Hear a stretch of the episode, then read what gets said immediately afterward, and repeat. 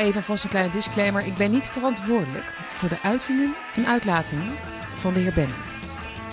We are ready for action. We are ready for, ready for war. Zit jij in je bunker, Jan? Ik zit in mijn, in mijn zolderbunker. Zit ik. Zonder bunker. Dat is Vietnam-hel. Oh. Ja. Is leuk. Vinden mensen hartstikke leuk hier. Even kijken. Staan wij op, op opnemen? Staan wij, staan wij op goed geluid? En zijn wij te zien? Kan jij mij zien, Jan? Ik kan jou goed zien. Ik kan jou zien en je ziet er prachtig uit. Dankjewel. Hebben wij koffie? Ja, ik wel. Mm, ik Jij heb hebt thee. Ja, goed. Is beter voor je hart, hè, Jan? Thee. Ja, Ja, dat maakt mij niet uit. Dat is toch geen grote teringzooi. ja precies. Dat doe je Je niks staat aan. toch altijd op een hol, hè? Ja. Van alles. Ja, dat zou je bijna denken, ja. Van hoe, hoe houdt ons hart het inderdaad allemaal uit? Al die vreselijke toestanden in deze wereld, hè? Ehm, Ja. Maar samen met de bakkie komen wij de dag gewoon lekker door. Zo is dat. Praten we het allemaal eventjes eh, van ons af. Eh, welkom luisteraars en kijkers bij Bakkie. Ik moet even spieken, nummer 27. Op deze 26 juni. Ehm, welkom. En eh, ja, like, deel natuurlijk deze uitzending. Abonneer je op het kanaal. 17.000 mensen gingen u voor. Iets meer zelfs. Dus waarom heb je het nog niet gedaan? Hè? Ja. Abonneer je op het kanaal, like en deel. Je kunt hieronder ook een commentaar achterlaten. En je kunt meechatten tijdens de première van de uitzending. Die natuurlijk niet, niet live live is. Maar goed, hij is wel heel, nog warm en vers. Hè? Hebben we in- inmiddels meer leden dan D66 of eh, wat denk je? Eh, hebben meer, meer, in ieder geval meer kijkers dan de NPO op zondagavond. En Ja. meer kijkers dan het D66-congres. 250. Ja. Ik denk dat we bij elkaar opgeteld van alle politieke partijen en tv-programma's de meeste kijkers hebben live. Ja. Dat denk ik, dat denk ik zomaar. Ja, dat kan maar arrogant te worden. En er zonder... kan, Ik ben ook zo normaal gebleven. En jij ook. ja, er kan maar één conclusie zijn. Wij moeten gewoon een politieke partij beginnen. Ja, no Oh, fucking dat is way. altijd, dan gaat het nee, no fucking, nee, precies. Waarom niet, als het goed gaat, moet je niet, niet de politiek ingaan? Eigenlijk. Precies. Er zijn zoveel andere dingen die je kunt doen. We gaan vandaag voor jullie een aantal onderwerpen bespreken eh, met elkaar. Jan en ik hebben het al een beetje over en weer eh, voorbesproken natuurlijk. Eh, we hebben heel veel, nou, niet heel veel, maar we hebben een, leuke, een leuk stapeltje post weer gekregen. Afgelopen dagen. Dus die gaan we even kort doornemen. Eh, we gaan het hebben over. Ja, er is wel op gebeurd. Over de aanval op de jongere FVD. eh, op die boot. Die, dat boottochtje. De beelden heeft iedereen denk ik wel gezien. Ehm, heel naar om te zien. Eh, we willen het nog even, of niet even, maar we kunnen het natuurlijk niet, niet over Rusland hebben. Wat daar is gebeurd afgelopen weekend. Eh, nog een beelden van Frans Timmermans bij de zevende dag. Daar was hij heel geëmotioneerd. Frans joh, dus die kinderen die zo in die, in die, in die overstromingen zo omkomen. Hè? Dat is met, met de leeftijd van mijn eigen dochter ook. Hè? Zo, dat kan iedereen gebeuren. Ik, onze dochter heeft dezelfde leeftijd, onze jongste dochter. En het raakt me iedere keer weer als Ben er, eh, er iets over zegt. Ehm, en hoeveel mensen te- ter wereld overkomt dit niet? Eh, hoeveel mensen eh, sterven niet door droogte, door de klimaatverandering, of door overstromingen, of door een moesson die twee maanden eerder komt en men er niet op voorbereid is. En ik denk aan Rosa, maar ik denk via Rosa ook aan al die andere mensen die dit is overkomen. En ik vind echt dit herdenken heel belangrijk. Heel belangrijk. En zo'n jongen als Ben, eh, die ook dezelfde leeftijd heeft. Ik denk dat Ben nu 17 zal zijn. Die zijn schoolcarrière even op de pauze heeft gezet om zich hiervoor in te kunnen zetten. Wat zullen zijn ouders trots op hem zijn? Frans Timmermans, hè? De klimaatslachtoffers. Daar staat hij voor. Oh, Zoals, man. ja, hij, hij doet het, in, hij doet het aan, aan, aan, aan talkshowtafels, maar hij doet het ook in het parlement. Hij huilt om, om, nou ja, om mensen. Maar hij ging ook Vlaams Komen. spreken. Dat vond ik nog wel het grappigst. Nou, niet En zoals is- ik het nu doe. Ik kan het ook helemaal niet. Maar hij. Nee, maar ik wil, ik wil de persoon, Timmermans, die heb ik al vaker in columns ook besproken, maar eventjes weer een beetje uit, uit eh, hoe zeg je dat, eh, analyseren. Want het is een, ehm, eh, en het is, het is niet een chameleon, maar hij is gewoon een, hij, hij biedt zich gewoon aan in de plek waar, hij- waarin hij denkt, hè, waar, het moment dat hij denkt, nou, ik ben nu hier, dan doet hij die mensen gewoon na. Ja, precies. Hij kruipt in de huid van de doelgroep. Echt. Dus praat hij met een Vlaming, dan gaat hij, gaat hij Vlaams praten. Mm. En als hij met een Frans, eh, Fransman praat, Ja. dan on, on parle français. On parle français. Oh, parle français. Maar ook met, de hele, met, met het hele acteerspel erbij. Dat is niet alleen maar de taal. Het is dat het heel Nederlands is om zo helemaal in die rol te kruipen. Maar hij kruipt elke keer in een rol. Maar goed, we gaan, we gaan het er straks over hebben. Ik, Ehm, kijk daar, ik daar on, eh, on uh, uh, Gavarit Saruskemi, on Gavarit Paruski. sp- spreekt Frans of eh, ja, spreekt hij ook eh, Russisch? Vast wel. Hij, sp- hij spreekt MIVD Russisch, oftewel honderden woorden. Nou ja, hij, hij, hij zal wel slim zijn dan, maar hij leeft in deze wereld. Hij copycat gewoon iedereen om zich heen. Dat is wie hij is. En hij, en ja, hij copycat alles.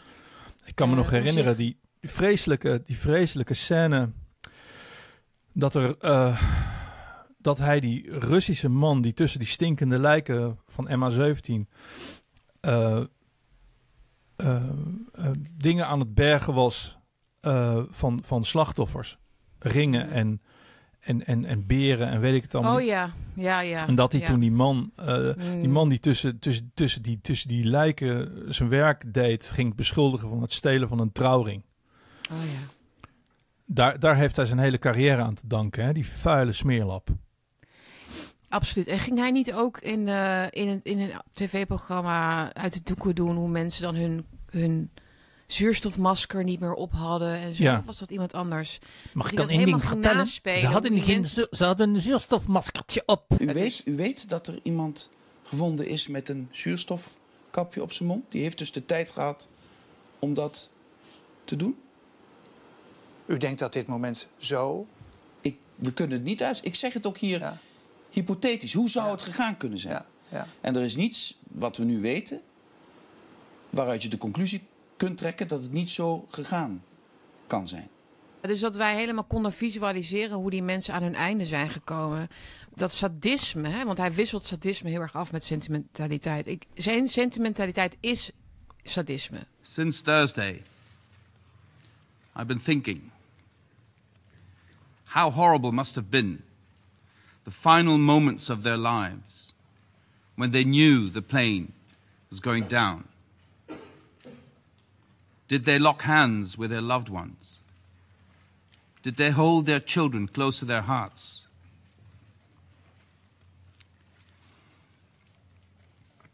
Did they look each other in the eyes one final time in a wordless goodbye?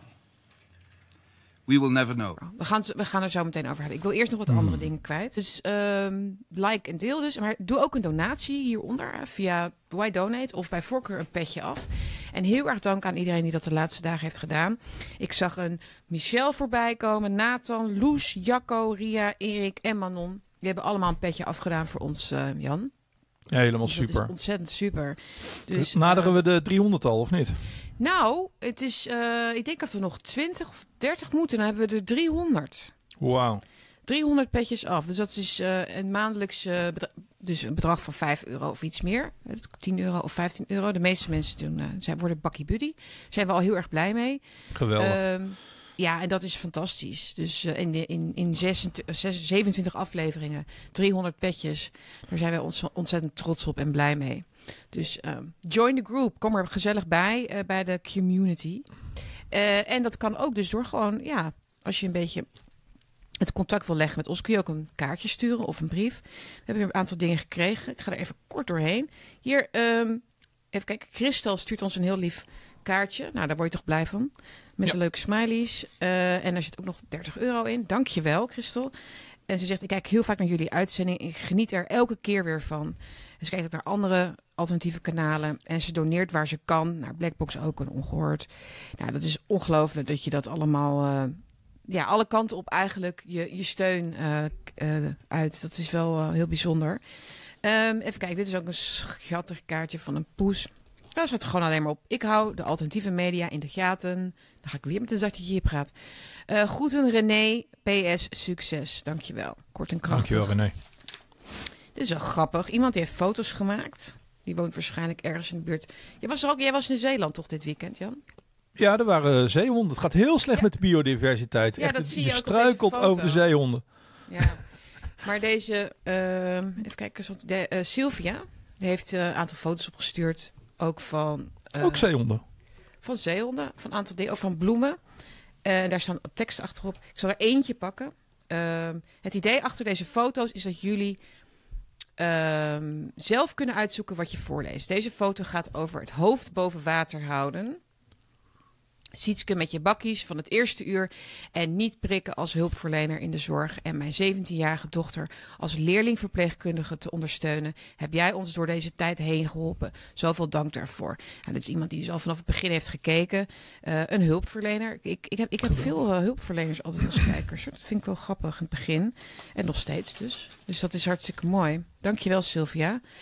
Voor die mooie woorden. Even kijken. Dan heb ik nog hier iemand die is, heeft schilderijen gemaakt. Ik dacht eerst even dat ik dat was. Dat ben ik. Dat moet Dat ik jij. zijn. Ja, nee. Ja. Maar dit is dus J.K. Rowling. Oh, Eh, oké. En deze meneer, deze meneer eh, die Frans Hm. uit Enschede, Frans uit Enschede, die maakt dus deze schilderijen ook van Orwell. Oh, wauw. Ja. En eh, maakt er kaarten van. Het is nog niet helemaal precies duidelijk, maar je kunt deze dus bestellen. Ik kon zelf niet op de site komen, maar Old Dutch Painter he- heet hij op, eh, op het internet. Eh, Frans oh, wacht. Ja, ja. Dijk. Die ken ik van Twitter. Dat is een hele gewaardeerde twitteraar. Ja, en Helemaal die goed. maakt dus deze... Sorry voor mijn flauwe grap, Frans. Maar ik moest hem even maken. Eh, en hij zegt: Hallo Sietske en Jan, wat ontzettend leuk dat jullie oproepen niet virtuele posten eh, versturen. Ik was ook op dat idee gekomen, vandaar deze briefkaarten. En die kun je dus sturen naar anderen met het verzoek van: Hey, let op. eh, J.K. Rowling of dus iemand anders is een lichtend voorbeeld voor ons, is een heldin. Maar het zijn ook gewoon maar mensen. Dus spreek je steun uit voor de mensen die hun, die, ja, hun kop boven het maaiveld uitsteken. Volgens mij is dat wat Frans is, het is bedoelt. wel, wel grappig dat hij die twee voorbeelden noemt.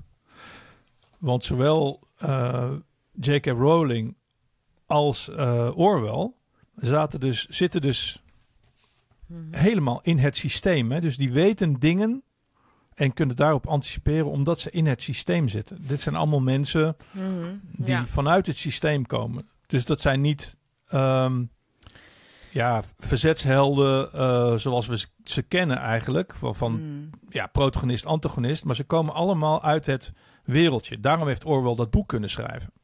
Ja, hij, hij zegt ook Frans op dat kaartje. Orwell, a tribute to the great British author Orwell, who understood communism and predicted the World Economic Forum.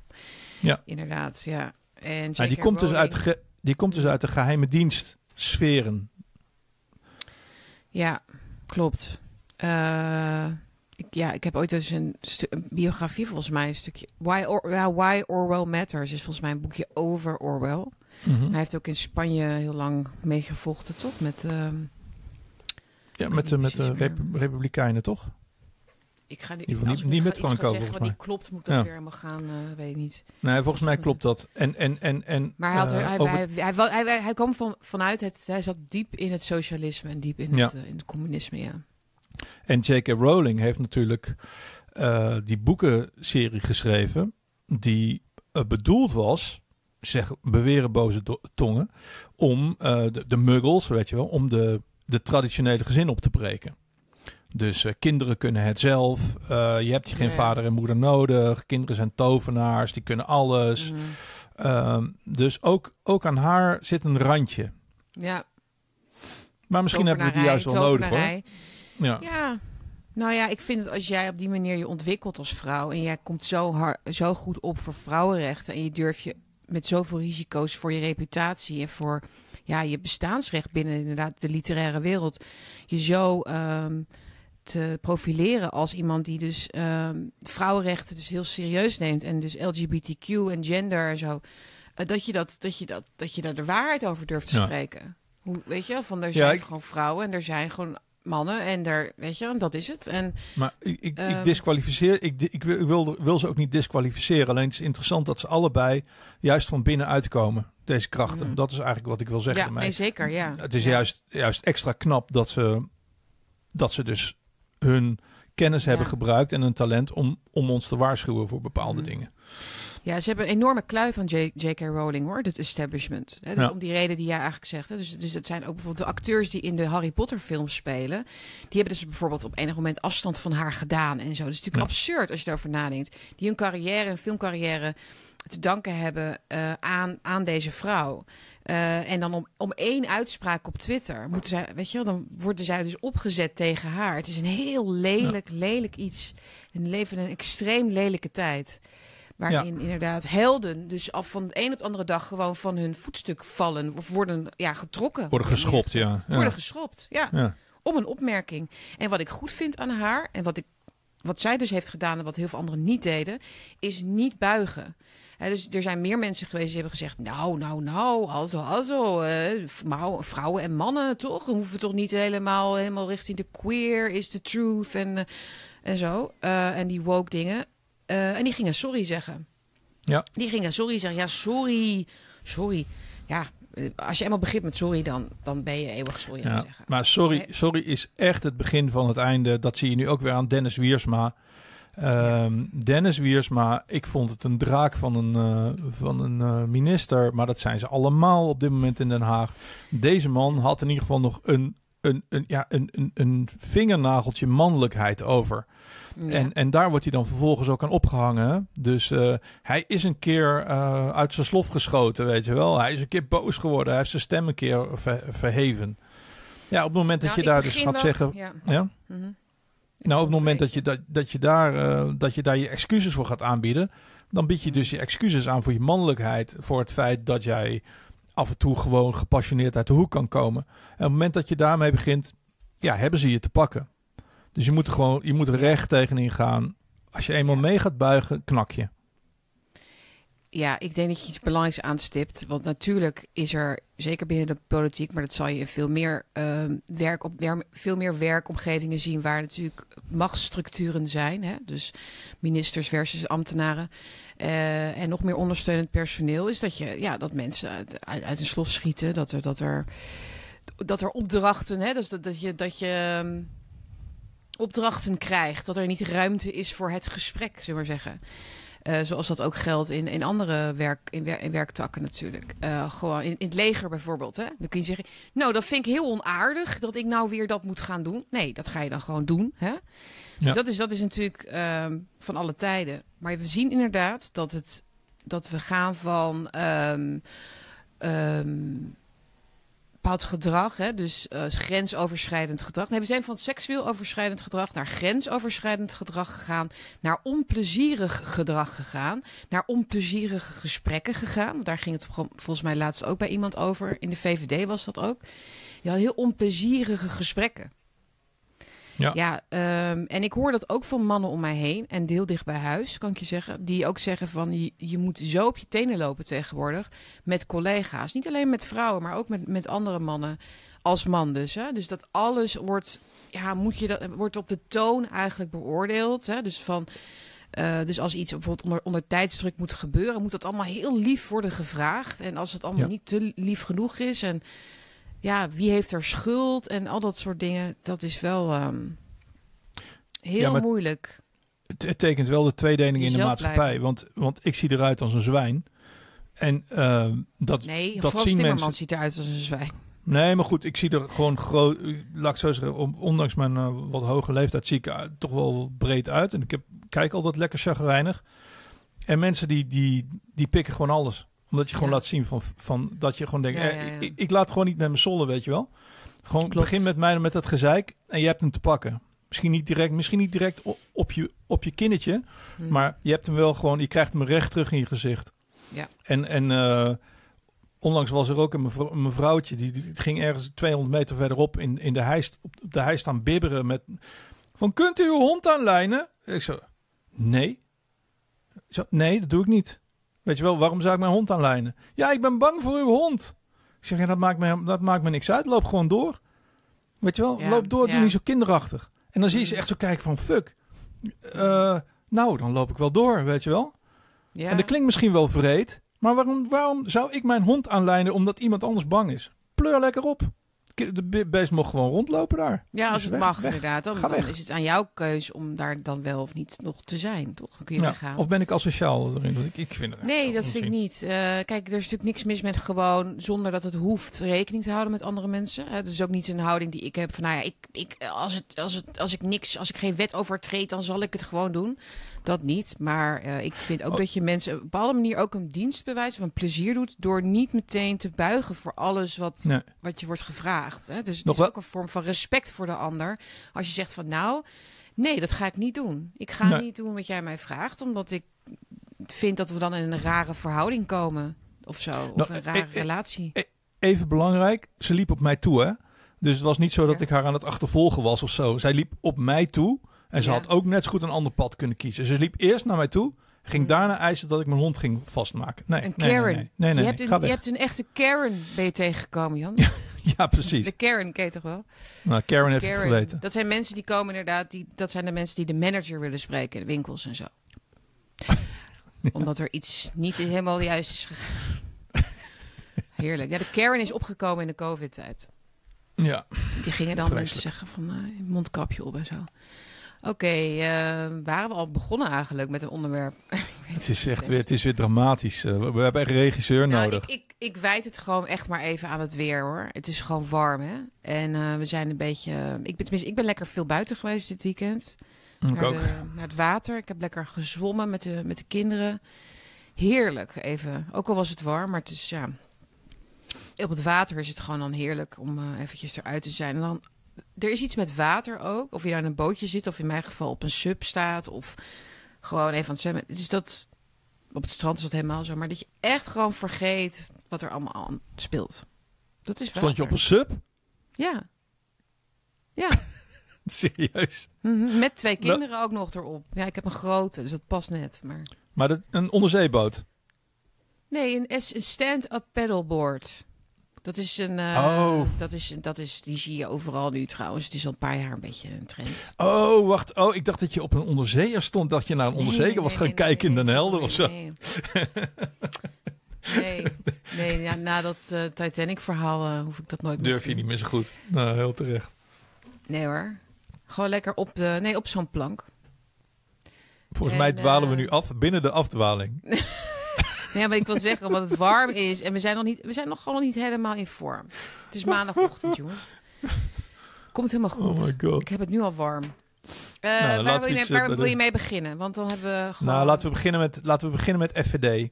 Mm, Ehm, ik ben lid van FVD. Ik ben groot aanhanger van FVD. Dus hierbij de disclaimer. Iedereen kan, eh, kan afschakelen die dat niet wil horen. Maar ik maak me grote zorgen. Ehm, er, was, er is gewoon een aanslag gepleegd op een eh JVD-bootje. met allemaal lieve, jonge mm. mensen erin. Meisjes, jongens. Eh, die hebben van een, van een brug hebben zij een, eh, een, een hoeveelheid eh, slachtafval eh, en eh, naar verluid ook eh, spuitpoep, eh hippie spuitpoep eh, over zich heen eh, gekregen. Gadverdamme. Eh, dat, is, dat is erg genoeg. Eh, maar wat, wat, wat echt stuitend is dat direct van alle kanten eh, dit eh, ja, werd afgedaan als eh, fake. Van ja, dat hebben ze zelf gedaan. zelf nee, maar, gedaan. nee, maar serieus. Ik heb al wat voorbij. Maar dat, is dat echt wat, er- wat, wat er gezegd werd? Ja, dat, dat, dat zie ik. Dat is, dat is de teneur die ik op Twitter zie langskomen uit de trollhoek en de linkse hoek. Eh, hele nare vragen van eh, Tom Hofman. Niet van eh, hoe gaat het met je, maar gewoon oh, niemand heeft gezien wie er weggelopen is. Hoe verklaren jullie? Oh ja, ja Tim Hofman. Tim, ja. ja. met die naaldhakjes. Eh, Mm. En dus, dus dat, ja, dat vind ik een heel veeg teken. Oftewel, dit betekent gewoon dat op het moment dat jij als jongere eh, van de verkeerde politieke partij bent, dat gewoon ieder geweld tegen jou, ja, eigenlijk wordt goedgekeurd en wordt goed gepraat, ja, of wordt verdoezeld. Dat is, dat is echt vreselijk eng. Ehm, overigens denk ik wel, Ja. Jan Dijkgraaf kwam daarmee van, van ja, eh, Antifa ehm, eist altijd zijn werk op.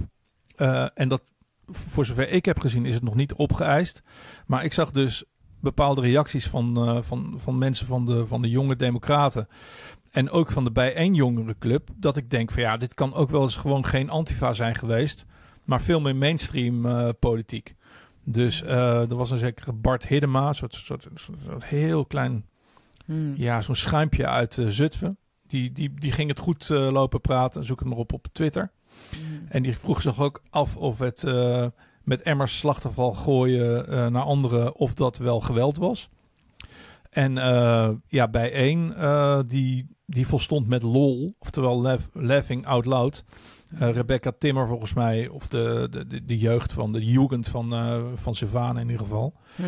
En ehm, ja, en dan zie je zo'n Ja. eh, zo'n zo'n schattig meisje bij de dokter zitten met, eh, met een dubbele oogontsteking. Want je weet natuurlijk niet, in, wat, niet wat daarin zit. Hè. Als mensenbloed is, kan er ook HIV in zitten of Oh, zo, God. weet je wel. Ja, nee, maar het- Dus dat- ik bedoel, eh, En dat je dan niet gewoon het, het respect kan opbrengen. Dat je even kan zeggen van, goh, sorry meid, wat vreselijk voor je.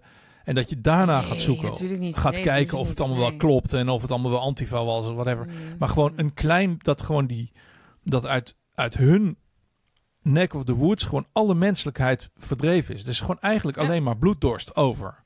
Ja, en Door- dat is, precies. En dat niet alleen bij jongeren. Hè. Dat, dat zie je echt terug bij alle lagen van die kant van het politieke spectrum. Hè. heb ik vaak het, het idee. Dus, Ja. je- dus, hè, dus het is vaak ook het niet... eh, geen afstand nemen van. Hè? Want moet je voorstellen dat het andersom zou zijn gebeurd. Hè? Ja, Dan had het hele, hele spectrum aan de rechterkant had zich helemaal moeten eh, door, door, ja, ja, door, door het stof moeten gaan om zich te distancieren van enige vorm van geweld. Of wat, hè, dat, dat, dat is dan de plicht die wij dan wij, hè, noem ik het dan maar even hebben. Ja. Maar andersom zie je dus dat in het niet afstand nemen, maar ook het retweeten van dat soort dingen. En iedereen ja, is eigenlijk heeft wel iets met die geweldsfantasie op een of andere manier. Het is heel Ja. erg van ze- deze mensen verdienen het of deze mensen hebben dit over zichzelf afgeroepen. Dat las ik ook Ja. inderdaad een paar keer van als je nou zo hoog opgeeft over dat je eh, over je toxic masculinity, Ja, dan dat- moet je daar moet je hier ook tegen kunnen of zo. dat is die Bart Hiddema van de Jonge oh, Bart Democraten. ja. Ja. Ja, dat is, dat is een manier van kijken. Ze zijn, ja, ze zijn, ze willen, ze willen die confrontatie zien, fysiek, omdat ze het niet met woorden kunnen. Ze Ja. weten dat ze met woorden zijn uitgespeeld. Dus al die jongeren, dus ook die, die jonge eh, D66'ers, die volt mensen, die bijeen mensen, de, de eh, ja, antifa, weet kan überhaupt niet eens een zin formuleren natuurlijk. Eh, laat staan dat ze zichzelf durven, ja, ze kunnen zich alleen maar vermommen. Maar dat is de, het gebrek aan woorden, het gebrek aan echte st- eh, ja, gelijkwaardigheid hè, in de strijd. Ja, dat, de, alleen geweld is, is wat hun ehm, ke- kan, ja, kan redden, zomaar, zomaar zeggen. Ja. Of eh, ja. En het is dus ook geen spelletje van hen. Hè? Het is dus niet zo dat, wij, dat ze denken, oh, dat, dat we moeten denken van, oh, maar die zijn een beetje gek geworden of whatever. Nee, dit is gewoon bij hen. Zij zien gewoon het liefst gewoon de tegenstander gewoon dood. Of, Ja. of, of in ieder geval zwaar gewond. Of in ieder geval zwaar beschadigd. Of in ieder Ja. geval uitgeschakeld. Mhm. Dus het is, het is al lang niet leuk meer, weet je wel. Ja, ik vind gewoon het, het, het, het begooien van, van mensen met slachtafval en poep, dat is gewoon, eh, ja, dat is de laatste fase voor de dood van Fortuin. Eh, dat was de laatste waarschuwing. Je houdt er nu mee op, anders maken we je af. Dat, dat is gewoon het symbool geworden van, van een Ja. poeptaart. En ehm, ja, dus ik denk gewoon dat het heel goed is. En dat Zo vind ik vreselijk voor- om, ik vind het vreselijk om te zeggen, maar ik denk dat het heel goed is om punt 1 lid te worden van de JVD als je jong bent. Mhm. En, eh, want dit is het juiste moment om er tegenin te gaan. Maar ik denk ook dat het heel goed is Ja. dat je zorgt dat je, dat je gewoon eh, jezelf traint in eh, awareness. Dat je gewoon weet wat er om je heen speelt. Dat je niet met je Mm. koptelefoon met noise cancelling de hele tijd oploopt. Dat je elkaar in de gaten houdt. ja. Dat je iets verstand hebt van Krav Maga. Dat je een, weet hoe je als een groep omgaat met geweld van buitenaf. Gewoon de, de, de, de, de, de, de playtime is over, weet je wel. Dit is Ja. gewoon serieus. Het is ontzettend jammer, want die jongere FVD die bestaat natuurlijk ook al ja, best wel lang al. Jaar of vijf, denk ik. Heel actief vereniging. Je ziet het veel op Instagram en al die socials langskomen. Ehm, en die jongeren, ehm, die hebben eigenlijk geen enkele andere echte plek waar ze samen politiek kunnen, zich kunnen verenigen en elkaar kunnen ontmoeten. Dus er is echt enorme behoefte aan, aan zo'n jongerenbeweging. Er zit heel veel energie ook in die beweging. Het is inderdaad heel veel activiteit. Het is niet alleen maar praten en een beetje boeken lezen en zo. Maar het is ook echt heel actief zijn. En het is ongelooflijk jammer als je, die, als je die jongeren dus politiek dakloos maakt. Door dit soort dreigementen. Maar niet alleen dreigementen, dus ook dreigementen uit te voeren. eh, en daar dus steeds verder in te gaan. Want dat weerhoudt de volgende 18-jarige of 16-jarige om zich daarbij aan te sluiten. Ik, ik- dit, dit is heel erg triest. Echt. Ik denk want- dat dit soort dingen, ik denk dat dit soort dingen averechts werkt. En dat, dat geldt ook voor, voor de volgende drama wat zich af eh, nu aan het spelen is met, eh met FVD. Is dat ze gewoon woensdag eh, met volgens mij met twaalf eh, fractievoorzitters gaan kletsen over het verbod van FVD. Onder Mm. leiding van René Couperus. Of Cuperus. Ja, ja. Ehm, het verbod van een politieke partij, de grootste ledenpartij van Nederland, ehm, ja, doet natuurlijk heel erg denken aan het, het voorgenomen verbod van ongehoord, ongehoord Nederland. Ehm, daar gaan ze dus, ze gaan gewoon letterlijk praten met elkaar over eh, het verbod van FVD. Nou, nou, nou heb ik wel zoiets van ja, van een verbod, een verbod helpt iets alleen maar. Er is nog nooit een, een YouTuber geweest of een, of een kanaal geweest of Nee. een omroep geweest of whatever die, die verboden werd en daarna kleiner werd. Die explodeert juist qua grootte.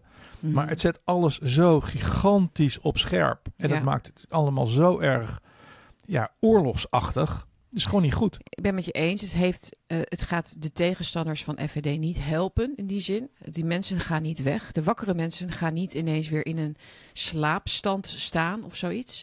De mensen die zien wat het WEF aan het doen is, hè, die zien wat er gebeurt in de wereld, die gaan niet ineens denken: oh nou ja, goed, dan, dan, dan, ga, ik maar weer FV dan ga ik maar weer de VVD stemmen of zo. Of, of, hè. Dus Nee. dat heeft geen zin inderdaad.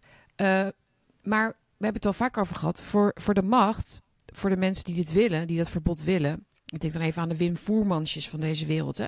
Die Ja. allemaal aan die, wiens reputaties aan kleine zijden draadjes hangen. Die, die voortdurend verder moeten gaan hè? en het oproepen tot censuur. Wim Voermans laatst ook. Hè, de Tweede Kamer moeten we een verdraging inbouwen in de opnames. Zodat als er dingen worden gezegd die te ver gaan, dan kunnen we dat eruit halen. Moet je je voorstellen, hoogleraar staatsrecht. Dit soort mensen, hè, dat, want hij geldt dan nog als een, hè, Leidse, een Leidse professor. Dus laat staan hoe ze er bij de UvA erover denken. Die gaan steeds een stapje verder. Niet omdat ze weten dat ze FVD kunnen verslaan, maar om tijd te winnen. Ze willen tijd winnen. Hè, dat, dat, dat zal Laurens Buijs ook met, met, met, met ons eens zijn. Ze zijn bereid om de hele universiteiten af te breken, om het politieke systeem af te breken, de democratie af te schaffen, om nog even een tijdje gelijk te kunnen hebben. Om Ja. niet bang te hoeven zijn dat er daadwerkelijk een groter deel van de bevolking wakker wordt en zich gaat aansluiten bij partijen die inderdaad de echte gevaren aanwijzen. Eh, en niet pappen en nat houden, zoals BBB en zo, weet je wel.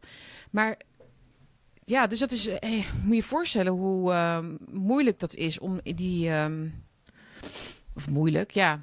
Het is om, om dan te kiezen voor dat verbod of niet. Maar ik denk dat ze geen keuze hebben, eerlijk gezegd. Nou, ik, ik, ja, als je ziet, kijk, het is, eh, wat dat betreft is er weer een parallel tussen Ongehoord Nederland en, eh, en FVD. Ongehoord Nederland is eigenlijk sinds de, ja, de verbodsdreiging hele hoge kwaliteit gaan leveren. Ehm, en het wordt dus, het is best moeilijk. Ja. Kijk, als iemand er een potje van maakt, dan kun je gewoon zeggen, ja, maar ze maken er ook, ze maken er een troepje van. Dat gebeurt Dus ook nog steeds wel hoor. Ik ben dat kritischer dan Ja, jij maar- op de FVD. Denk Nee, maar, nee, veel. maar ook maar qua, qua FVD heb ik zoiets. Ik, ik heb de afgelopen week heb ik drie briljante momenten gezien van de FVD. Ja. Eh, natuurlijk heel pijnlijk en tenenkrommend voor, voor, voor de tegenstanders van de FVD. Maar Gideon heeft die, die, die man eh, aangesproken die in een eh meisjeskleedkamer zichzelf wil Ja, om, zijn blote lul. Dan heb je, dan heb je met dan heb je Thierry.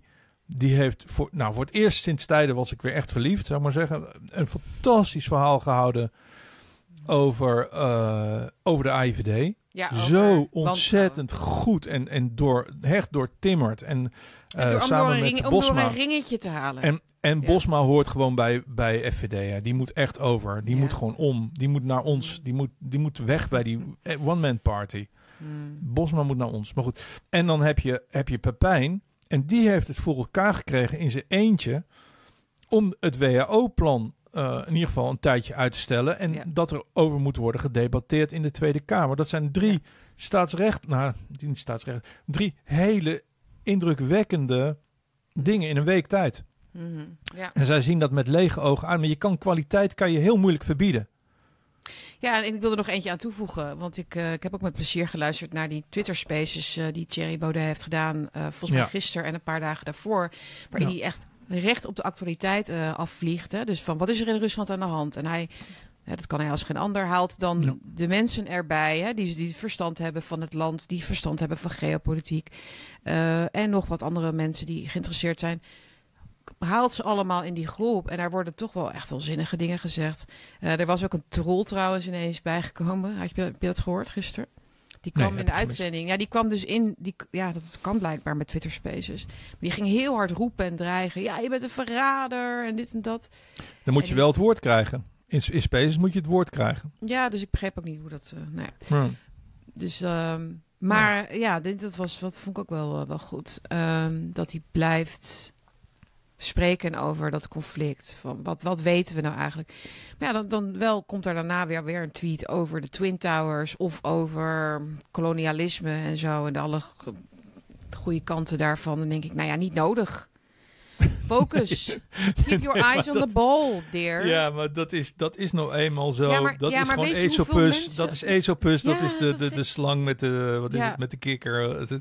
Die aan de zoveel mensen zeggen Thierry. Thierry is Thierry, is Thierry, is Thierry.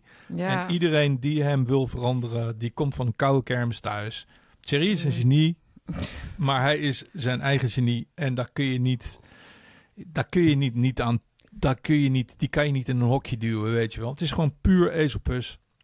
En ehm, Maar Nederland Ja. zijn, Nederlanders zijn onver, onverbiddelijk. Die willen gewoon de gewone vrouw en man in de politiek. En niet iemand inderdaad die... Ja, maar die gaan dus van een. Want eh, dan, dan hebben we het dus over Lientje. Over de leuke, Ja. fijne. Frikan, de frikandellen vretende. eh eh goeie smorgens. Goeie smorgens, heren. Dat, dat willen ze weten. Dat wil Nederland, weet je wel. Dat, Mm. dus de, maar dan gaan ze van een koude kermis thuiskomen. Want, want, want ja, BBB. Wat doet BBB voor de boeren? En wat gaan ze voor de boeren doen, eh Sietske?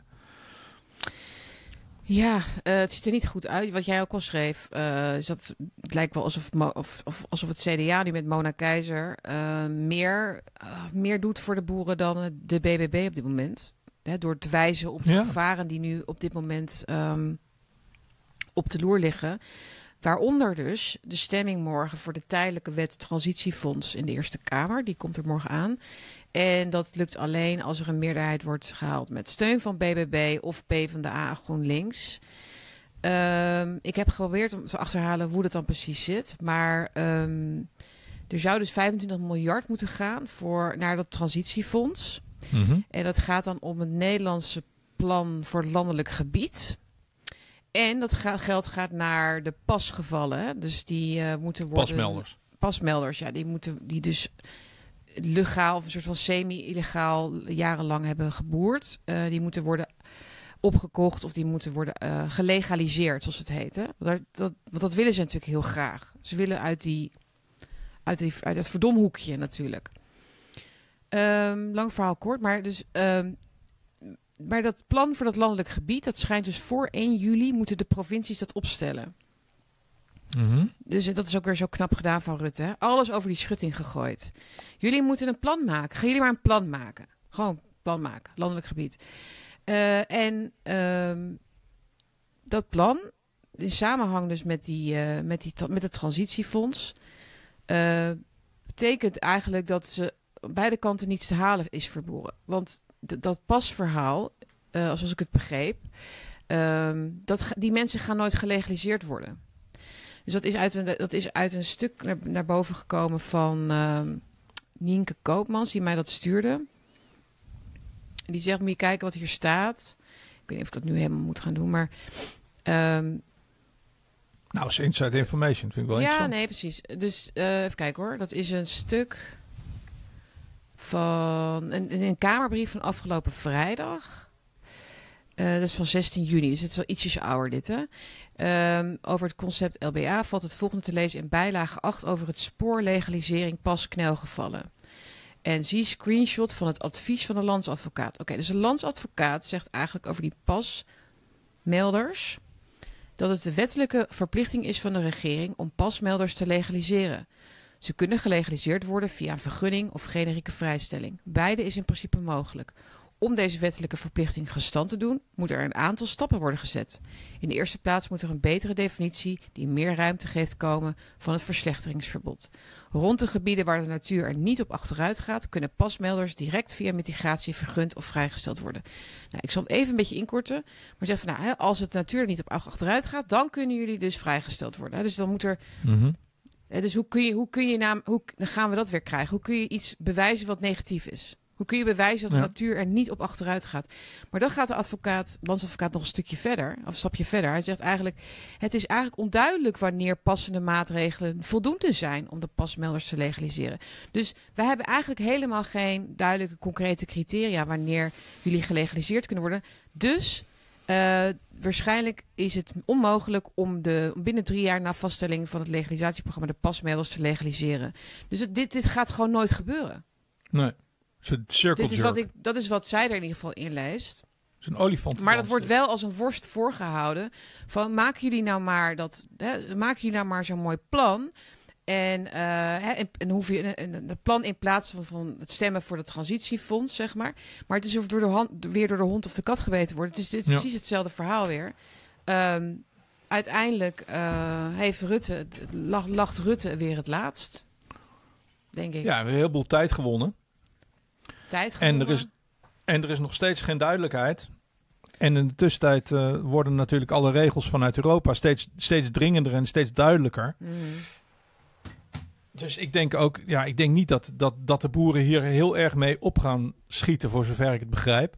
Wat, Ja. wat ik vooral interessant vind, is de rol van, eh, van Lientje.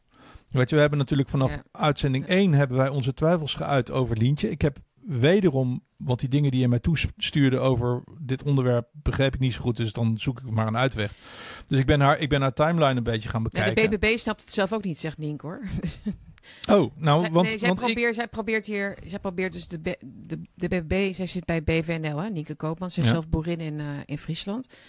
Ehm, zij trekt niet van leer tegen, tegen BBB hoor, in contact met mij, maar zij probeert mij gewoon te informeren. Dus hè, ze zegt, ja, ik probeer dit duidelijk te maken, maar zij zijn gewoon niet wakker. Ze snappen niet wat er aan de hand is. Dus dat is wel heel ernstig natuurlijk. Dat, Nou, eh, dat, ik vind dat je daar nogal makkelijk dat eigenlijk zegt. Want je hebt het over de boer-burgerbeweging ja, die haar bestaan heeft te danken en haar enorme hoeveelheid aan die eh, eh, populariteit te danken heeft aan de omgekeerde vlaggen en het, ja, het opnemen voor de boeren.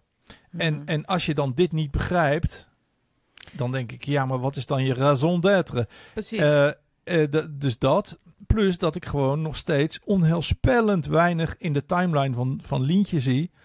Het gaat over veteranen en het gaat over een jongetje die Jelle heet. En het gaat over met de dinnetjes op een boot en weet ik het allemaal niet, maar vlodder. Maar ik zie dus niks over boeren. Ja, heel af en toe een retweetje of heel kort iets. Maar dat je echt denkt van ja, het moet. Of, ja, Lientje, dan wordt ze gebeld door, door iemand van het reclamebureau of zo. Van Mhm. Lientje, je moet wel af en toe iets over die boeren zeggen. Want het begint op te vallen, weet je wel. Dus het is echt bijna een soort van 1 op 10 tweet Ja. of zo. Van, Oh go- god, moet ik weer iets over die kutboeren zeggen. Zo voelt het. ja. Het is niet een gepassioneerde boerenleider. En ik, Nee, maar die, ik- die dus ook verder in de toekomst kan kijken. Van als we dit doen, wat is het gevolg daarvan? Ja. ja, het is echt met de dag of met het uur bijna een soort van hun partij. Ja, ze zijn natuurlijk gewoon, gewoon te nieuw. Ze zijn gewoon helemaal vervuld van die winst of zo. Ze denken gewoon van ja, oh, we mogen meepraten. We zitten hier aan tafel en we mogen dit en dat. Maar ze snappen dus hele basale dingen niet over. Want als je, als je hier onderaan het kruisje tekent, dat betekent dat je in 2025 eh, de pasmelder hebt genaaid, zeg maar. Dus dat is dan het verhaal, de conclusie. Het do- het doet me heel erg denken aan die meneer van de Hedwigepolder... die op een gegeven moment in het torentje werd geroepen. Eh, en, en, en daar allerlei beloftes kreeg eh, van Rutte. En die vervolgens keihard in, in alle zijn lichaamsopeningen werd, werd, werd genaaid. Ja. En ik denk dat hetzelfde ongeveer met Lientje gaat gebeuren. Van, hé hey Lientje, je mag meedoen in het volgende kabinet. Moet je wel even dit of dat doen? Mhm. Ik denk dat ze, ik denk dat ze die boeren... Of ze is met iets heel slims bezig. Namelijk gewoon je op de- aan de oppervlakte houden. Kijken wat Van de Tak doet. Kijken wat LTO doet. Kijken Misschien wat, wel, eh, wat, wat. Landbouw. Nederland doet. En dan toeslaan. Alleen Mhm. ik denk dat dit de cavalry is die Ja. nooit, nooit op gaat Ja. dagen. Zo, Maar- zo, zo voelt het aan alle kanten. En dan, Ja. hey jongens, we hebben het voor elkaar hoor. We hoeven pas in, eh, in 2035 eh, het hele platteland opge opgeheven te hebben in plaats van twee, eh, Precies. 2030. Ja, laten we dan even nog één klein voordeeltje van twijfel houden. Dus deze week is heel belangrijk dus, hè, vanwege die... ehm, die eh, nou ja, of in ieder geval tot 1 juli. Dus 1 juli moet er dus een plan liggen van de Ja. provincies. En dan weten we ja, hoe iedereen ehm, gestemd heeft en hoe iedereen besloten heeft. Maar is overal dan de hele formatie al afgelopen? Nee, dat is dat. Maar goed, dat, dat, er is dus een, er is dus een, eh, een eh, ultimatum gesteld van 1 juli. Maar hoe kan je nou, hoe kan je nou een, hoe kan je nou een Ja, plan ik- presenteren als er geen. Dit- collectie... Dit, kan ook ineens zo van, ja, ik weet ook niet waarom dit niet bekend dan zou moeten zijn, inderdaad. Ik, laten we het bewaren voor de volgende keer. Want Nou, dan, dan ik wil- ik wilde nog- meer. Ik wil nog één ding over, over zeggen. Als ik het niet begrijp, dan wordt er verwarring gezaaid. En dat Mhm. betekent dat Rutte aan het winnen is. Mhm. Dat, is, dat is- klinkt heel lullig, maar meestal begrijp ik dingen. Ja, ja, als ik ja. dingen niet begrijp en als ik vragen heb die, waar geen antwoord op is, dan is Rutte bezig met verwarring zaaien, achter de schermen dingen aan het regelen en ineens kom je voor een voldongen feit staan. Ja. Maar goed, Dat is heb- altijd zo namelijk. maar in de informatie die ik nu geef, er zitten voor mij ook dus nog eh, leeg, lege, lege plekken. Dus ik, moet het ook, ik, ik weet ook niet precies hoe het zit. Maar we gaan het nog even aanvullen met meer informatie. Dus als ik iets hoor, dan weten jullie het volgende keer ook. Ja. Hoe het zit. Oké, eh, laten we even de politiek uit. Of althans, wil je, wil je, ja, zullen we dan toch maar even met Rusland eh, in de weer? Ja, Rusland. Rusland. Eh, Rusland, ja, jeetje. Ja, ik, ik, ik ben duizend do- doden gestorven. Ehm, de afgelopen eh, drie dagen. Ehm, nu ietsjes minder. Maar ik denk dat we langs, langs de Cuba-crisis in het tienvoudige van de Cuba-crisis zijn gescheerd. En dat we eigenlijk zijn gered door de indolentie van en domheid van NATO. Ehm, iedereen heeft natuurlijk de, de ontwikkelingen gevolgd.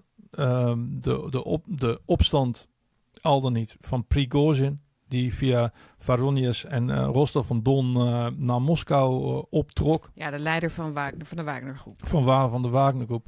Woedend omdat zijn troepen zouden zijn gebombardeerd. Achteraf heeft hij dat weer ingetrokken. Ehm, een hele, hele, hele, hele heftige situatie. Ehm, waar heel veel meningen over zijn. Echt heel veel verschillende meningen. Dit zou een Maskirovka-operatie zijn om Ja. om uh, gaan ze maar in ieder geval dus die die die crisis is uh, inmiddels bezworen. Uh, Prigozhin is naar uh, naar Wit-Rusland vertrokken naar zijn dacha. Ja, verbannen, begrijp ik. Min of meer wel. Dat zeggen ze nu. Mm. Um, um, en zijn, zijn troepen zijn opgenomen in het Russische leger. Uh, op de 8000 na die hem gevolgd waren in die insurgency, dus in die, in die, in die tocht voor gerechtigheid naar Moskou. Um, dus de, dat is het eindresultaat. Um, nu, en zijn, zijn troepen zitten nu dus 100 kilometer of 60 kilometer van Kiev af. 60 miles van Kiev af. Mhm. Dus dat is een heel leuk saillant detail. Uh, maar wat ik, ja, laat ik hiermee beginnen. Op het moment dat er achter, de, achter het front een enorme strijd zich ontbindt tussen allerlei hoofdrolspelers in het Ministry of Defense van Rusland. Dus tussen Shoigu aan de, en Gerasimov aan de ene kant en uh, Prigozhin aan de andere kant. Uh, daarom was ik zo doodsbang, omdat ik iets had van ja, dit is het moment voor Kiev en de NATO om een kerncentrale aan te vallen, om een luchtaanval in te zetten. Want op dat moment is de verwarring zo enorm groot Mhm. dat je inderdaad een doorbraak kan, kan forceren. En zeker in de PR-oorlog.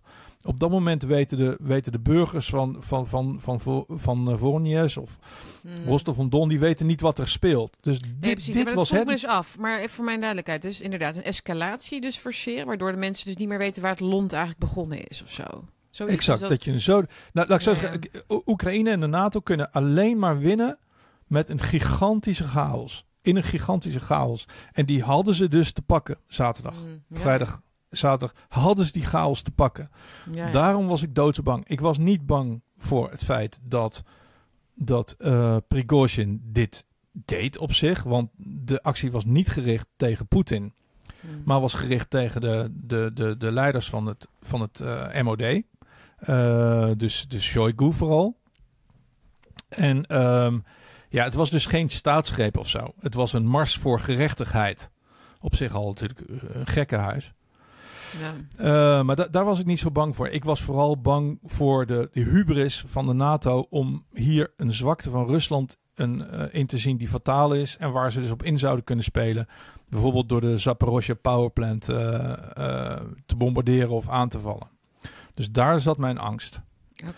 En voor de rest van- vanuit de Russische kant. En ik denk ook dat dat dus ook de reden is waarom dit echt gebeurd is. Dus geen Maskirovka. Ik denk dat dit geen plan van Poetin en Prigozhin, wat op zich wel goede relaties van elkaar zijn.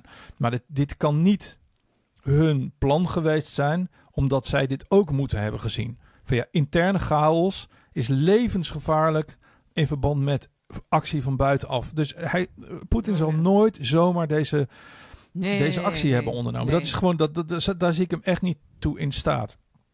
Wat wel zo is, Goed punt. ja. Wat wel zo is, is dat dus in de tussentijd wel er verkiezingen zijn geweest in Rusland. Er zijn gewoon verkiezingen geweest in Rusland. Dus door deze actie en door het optreden, door de speech van Poetin die hij gehouden heeft, Mm. een hele, hele ernstige speech.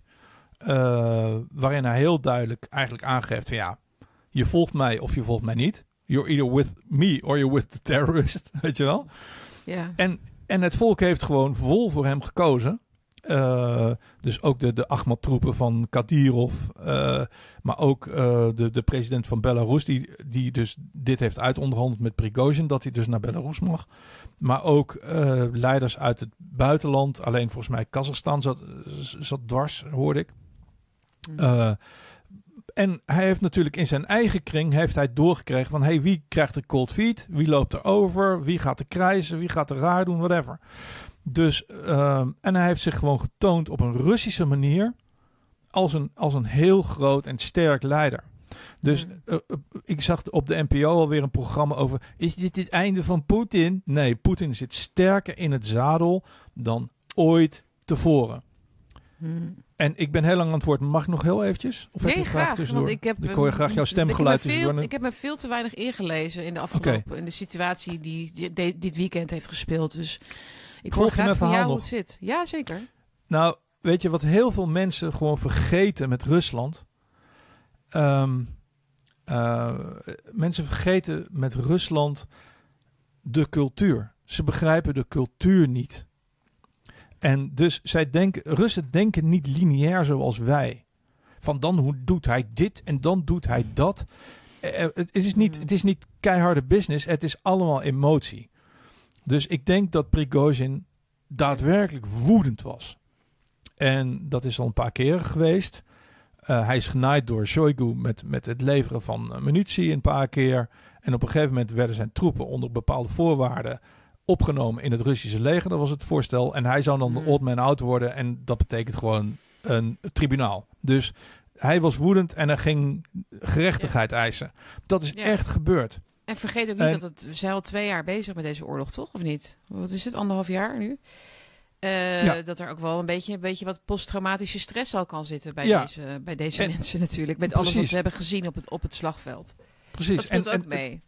En, en Poetin heeft hem niet aangevallen, ook niet in die lang- lange reis van Voronezh naar Rostov-on-Don naar, naar Moskou, eh, omdat het aanvallen van de helden van Bakhmut met burgerslachtoffers en scherven in, aut- in, in auto's en, en kinderen die dood op straat liggen en zo. Het laatste, Poetin heeft dit briljant gedaan, want, want je moet natuurlijk niet een stad als Rostov-on-Don waar ze zaten gaan aanvallen. Eh, omdat je die, die, die soldaten eruit wil hebben. Dus dat is, is, is totaal kansloos. Dus eh, Poetin heeft dit fantastisch opgelost. Ehm, ook er een briljant aantal doorgewinterde soldaten bij gekregen in zijn reguliere leger. Eh, Mhm. Ook nog eens een keer. Maar wat ik dus, ik wilde het even hebben over de, de Dusha Wel Ruski. uniek, Dus de, ja. de, de, de, de, de, de, de, ziel, de Russische ziel Mhm. en eh, het Russische gevoel. En dat is wat al die strategen ontberen. Oh ja. Als jij Hm. eh, De Idioot hebt gelezen van, van Fyodor Dostoevsky, dan, dan weet je hoe mannen tegenover zich staan. Weet je, je, hebt, je hebt dus een, eh, de, de hoofdrolspeler uit The Idiot heet Prigozhin. Lijkt heel erg op Rogozhin. Eh, maar dat is een grove, gemene boer met heel veel geld.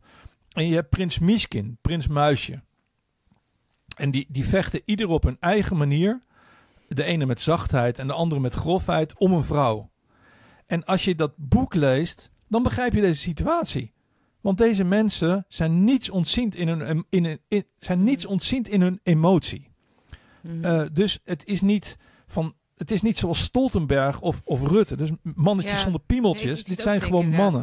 Er zijn wel verschillende attitudes. Hè? Dus hè, die, die, inderdaad, die heftige emotie versus Poetin is natuurlijk wel... Dat zijn wel twee verschillende kanten natuurlijk. Maar beiden voeren dat door tot hun logische conclusie. Snap je? Ja. Dus, dus eh, die emotie die, moet, die wordt doorgevoerd tot de logische conclusie. Ja. Hè? Want dat is de trots en dat is de, de, de, de- dat gevoel wat zich niet laat temmen door iets van inderdaad wat jij zegt lineair denken of Ja. wat is Denk- voor iedereen het beste of zoiets. Maar door verschillende, door andere factoren die, die meespelen. Is- Ehm, en, wel- en, en- wie- maar, door, maar, maar Poetin snapt dat dan vervolgens ook weer, dat het zo werkt. Ja. Dus die kan daar vervolgens dus een oplossing bij bedenken. Die dus de angel eruit haalt en waardoor dat toch weer deescaleert. Maar eigenlijk een hele unieke situatie dat Poetin dus iets in zijn voordeel heeft weten te krijgen, weten te draaien. Wat van beide kanten, dus zowel door, door de Wagnergroep als door het Westen, werd gezien als een, als een ja, being on top, zeg maar. Dus de, Ja. eh, iets wat potentieel heel gevaarlijk is. Weet je wat het is? Ziet, weet, weet je wat het is? Poetin is een schaker op een Ru- Rubik's kubus. Ja. Als je begrijpt wat ik bedoel. Dus eh, een normale schaker die Mhm. schaakt op een schaakbord. Russen zijn sowieso al schakers. Maar Poetin kan schaken op een Rubik's kubus. Rubik's kubus. Dus de dingen veranderen steeds. Mhm. En hij, hij beweegt mee en tegen. Weet je, wat, weet je En- waarom ik dat vooral denk dat hij dat kan ook? Waarom hij het kan doen? Hij, Poetin begrijpt wat het Westen aan het doen is. Maar het Westen begrijpt van zichzelf niet wat het aan het doen is. Maar Dat is, dat, ja, nou ja, op, op een bepaald niveau natuurlijk wel. Hè? Dus een neocon level, zeg maar. Maar wat willen we Nog- nou eigenlijk? Wat, wat, wat, willen we nou eigenlijk van, van dit land? Hm? No- nog, nog even over de Russische ziel. Want Ja. daar, al die strategen, al die westerse strategen moeten de boeken erbij pakken en gaan kijken wat de Rus maakt. Dan begrijpen ze misschien een klein beetje, en al die luie journalisten, hoe dit conflict verloopt en waarom het zo verloopt. Als jij, Mm. ehm, als jij het boek, het, het prachtige boek geschreven door, door, door Lermontov in 1840, ehm, Held van deze tijd. ja. Geroy uh, Vremi, eh, de- of, oftewel Hero of Our Time, dat gaat over de tragische held. De aan de ene kant keiharde held, die vrouwen eh, tot zelfmoord drij- drijft, en, en, aan de andere kant gewoon een, een, een, een, een diep eh, bezielde man. Die het, die het ongeluk achter zich aansleept. Als je, als je, als je dat boek leest, eh, dan begrijp je de Russische ziel. En dan begrijp je waarom het soms zo raar loopt. Omdat ze gewoon veel meer dimensies hebben dan al die stripfiguren hier. ja. Dus, de, dus Mm. als je de Russische ziel begrijpt, begrijp je wat daar gebeurt. En tot die tijd blijft het allemaal, allemaal gelul van een dronken aardbei. Ik denk dat dat waar is. Ik denk ook dat, het, dat ze het niet willen begrijpen. Ik denk niet dat ze, dat ze al zou je ze, al zou je ze Dostoevsky met candlelight muziek erbij eh, voorlezen. Hè? Van kom op nou, Ruben Bre- Brekelmans, kom op. ehm, Rob de Wijk en Arend Jan Boekenstein en al die mensen aan die tafels die het over hebben. En de Pieter Waterdrinkers notabene, die zelf in Ja. Rusland hebben gewoond. En nu ineens Ja, maar die begrijpt een het soort, dus wel. Nu ineens een soort Nee, maar dat is- eh, vergetig, vergeetachtig zijn of zo over, nou ja, de hele. Maar- inderdaad. Waterdrinker is gewoon een soeka. Dat is gewoon, dat is gewoon een sloeska. Dat is gewoon, die, die weet precies hoe het zit. Die weet precies hoe het zit. En die, die, Ja. die is voor geld gekocht om bullshit uit te kramen. Dat vind ik de ergste. Dat zijn de ergste types. Hmm. Ze, Ehm. willen, ze willen het niet weten, want ze, ja, het is ehm, een breuk met wie ze zelf zijn dan op een of andere manier ook. Toch? Nee, maar ik kan me, ik kan me voorstellen dat gewoon zo'n zo'n zo'n sukkeltje, eh, zo'n sukkeltje van de NPO of zo, dat hij dat niet begrijpt.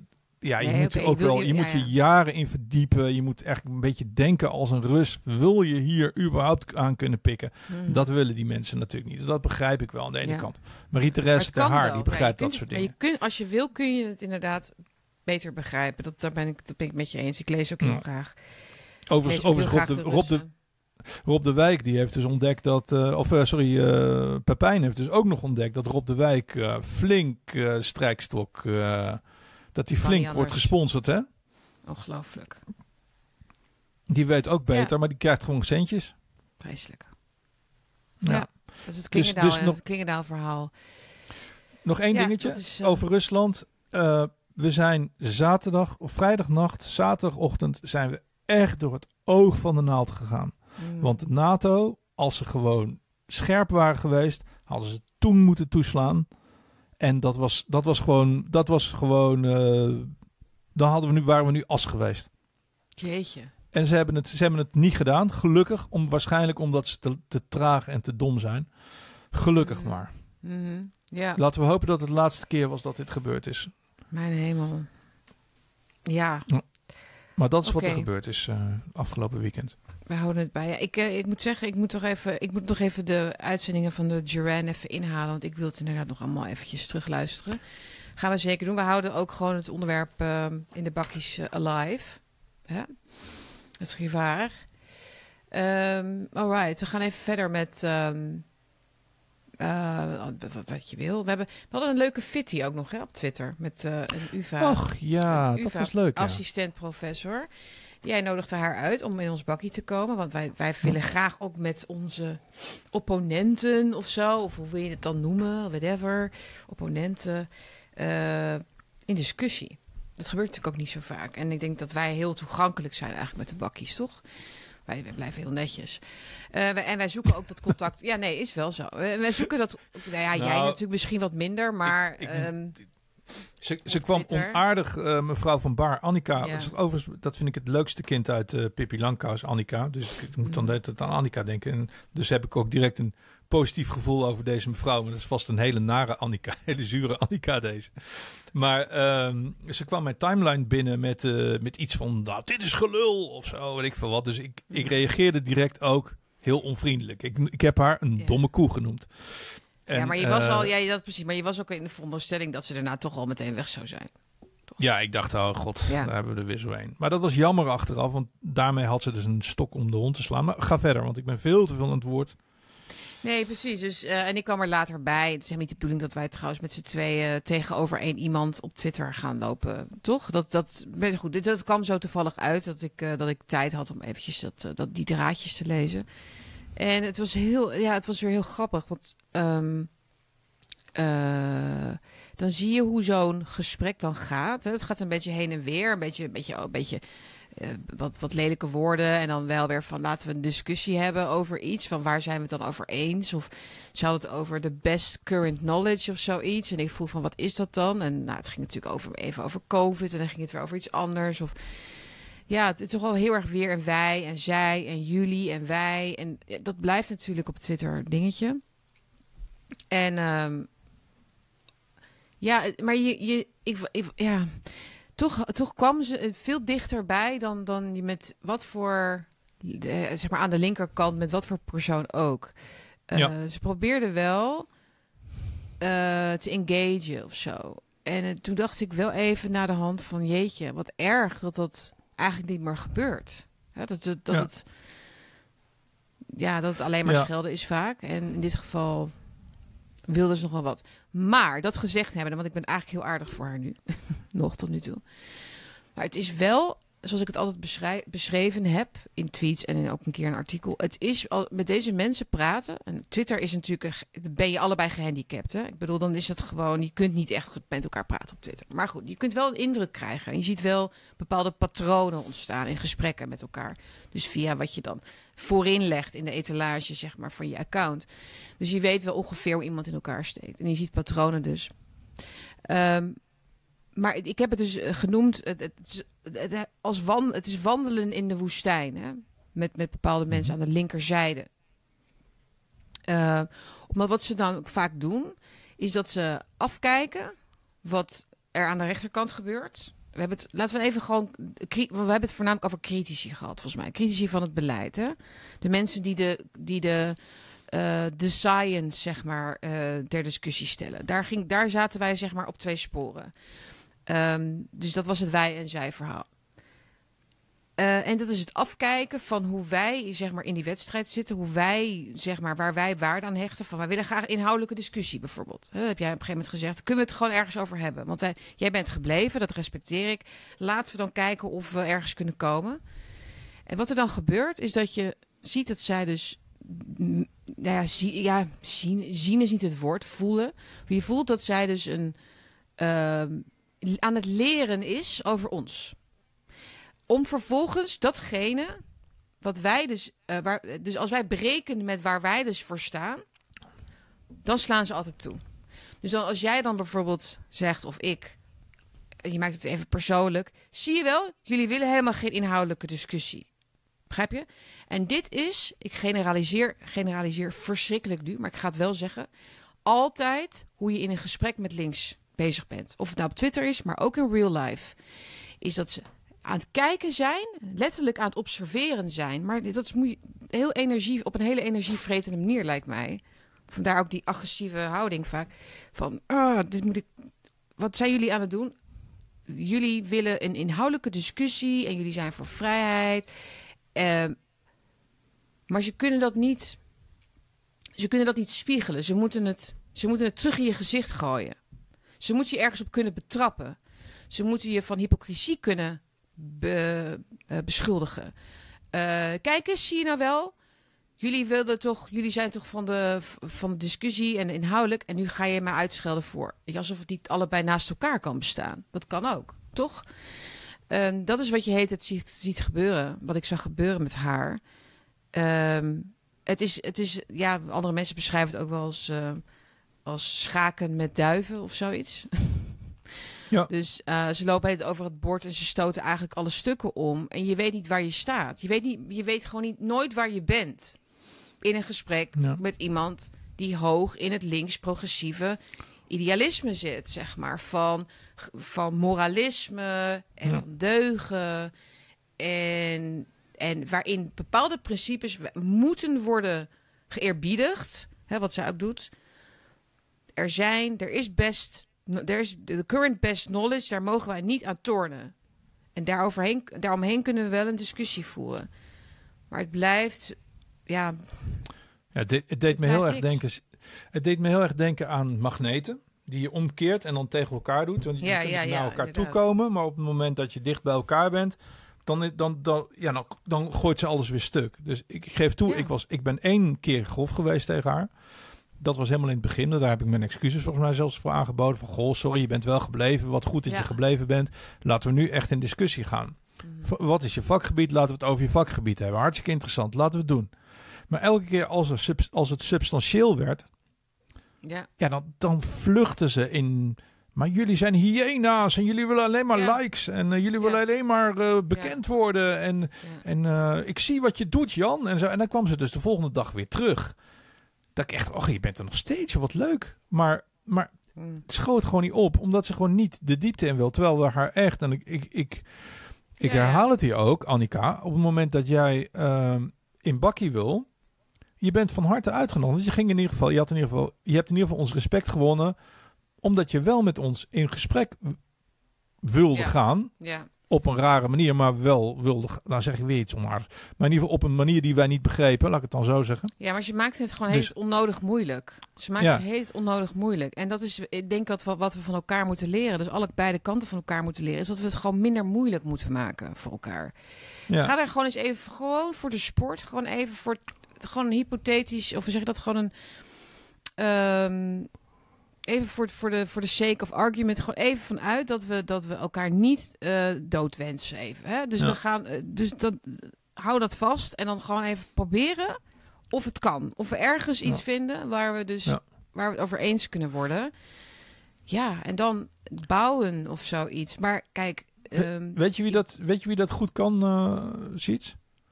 Marjan kan dat goed. Marjan Zwageman kan dat Mm. goed. Die heeft dus een hele netwerk opgebouwd van allemaal linksies. Ja, ja, En die kan er echt geweldige discussies mee voeren. Mhm. En ik denk gewoon dat, dat zij iets van vertrouwen gewonnen heeft Ja. van, denk- van hen. Waardoor die, hij die... En wij, wij hebben dat, dat vertrouwen niet. Of misschien Ik zijn we een grotere bedreiging. Dat je heel leuk, hele goede gesprekken kan voeren met linkse mensen. Dat is, maar ik heb ze ook mijn hele leven, zeker toen ik jonger was, gekend. eh, vriendschappen mee gehad. En dat, waren, dat was altijd feest.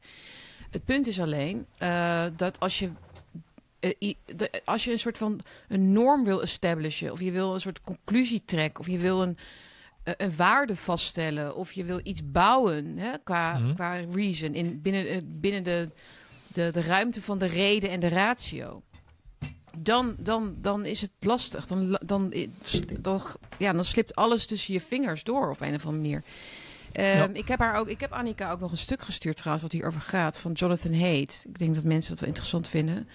Jonathan Haidt is een psycholoog die ehm, een boek heeft geschreven dat heet de, kijk hoor, The Righteous Mind. En hij, hij heeft daar dus echt onderzoek naar gedaan. Dus hij, het is niet alleen maar theorie. Dat eh, mensen aan de rechterzijde van het spectrum, politieke spectrum, beter begrijpen hoe links denkt dan andersom. Dat is natuurlijk al een interessante stelling. Hè? Dat, dat het gewoon kwestie is van wie kan zich verplaatsen in de ander.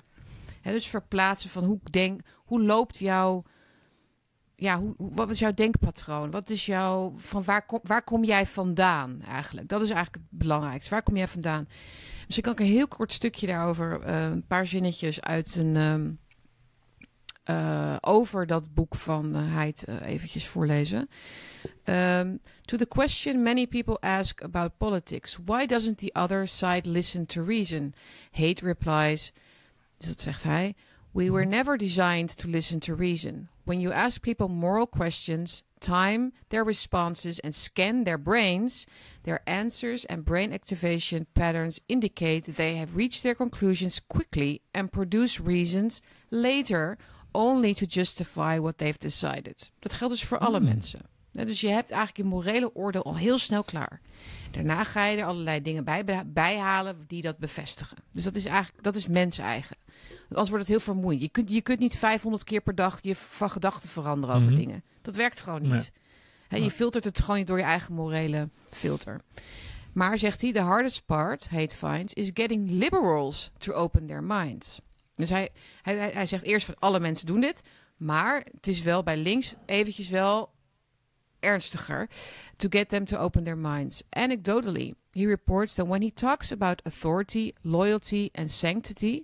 Um, many people in the audience spurn these ideas as the seeds of racism, sexism en homofobia. Dus als wij het hebben, Jan, over... We hebben het net over Rusland gehad, hè, over Poetin gehad. Mhm. Maar ook als wij het bijvoorbeeld over bepaalde eh, virtues hebben, waarden hebben die, die niet heel links zijn per se. Hè? Dus inderdaad eer en loyalty en he- hè, wat is heilig en dat soort dingen. Families en geloof. Dan, eh, dan, horen, dan horen liberals dus iets heel anders. Die horen dan letterlijk dus racisme. Ze horen dus seksisme. Hè? Als je het hebt over Mhm. vrouwen horen thuis bij kinderen. Seksisme.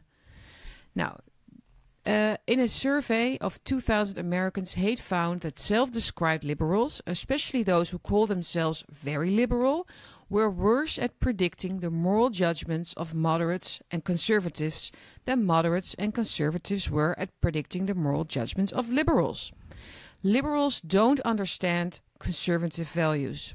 And they can't recognize this failing because they're so convinced of their rationality, open mindedness, and enlightenment. Hate believes in the power of reason, but the reasoning has to be interactive. It has to be other people's reason engaging yours. Dat laatste is misschien even ingewikkeld, maar het belangrijk punt toch? En dit is precies hoe ik het altijd. En dat is niet omdat ik beter kan nadenken of beter over of overtuigender dingen kan zeggen. Maar het gaat mij erom dat ik nooit het gevoel heb dat ik word geanalyseerd door die ander. Want het mag ook, hè? Je kan zeggen van. Hoe komt zij toch bij die ideeën? Waarom, waarom, denken, waarom denkt rechts zoals het denkt? Waarom, zijn ze zo, waarom Maar- vinden ze die grenzen zo belangrijk? Het, het, het- wij doen het andersom. Zijn we voortdurend bezig met het begrijpen Maar- van Ja. ja. de, linkse, de linkse geest? Waarom, waarom is dat klimaat zo belangrijk? Waarom moet het allemaal zo... Sietske, weet je wat mijn favoriete muzieknummer is uit de, van de westerse muziek? Ik luister eigenlijk alleen maar Russische muziek, maar van de westerse muziek, wat ik het allermooiste liedje vind dat er bestaat? Imagine. Nee, eh, The Queen and the Soldier van Suzanne Vega. En dat is exact wat je hier beschrijft. Oké.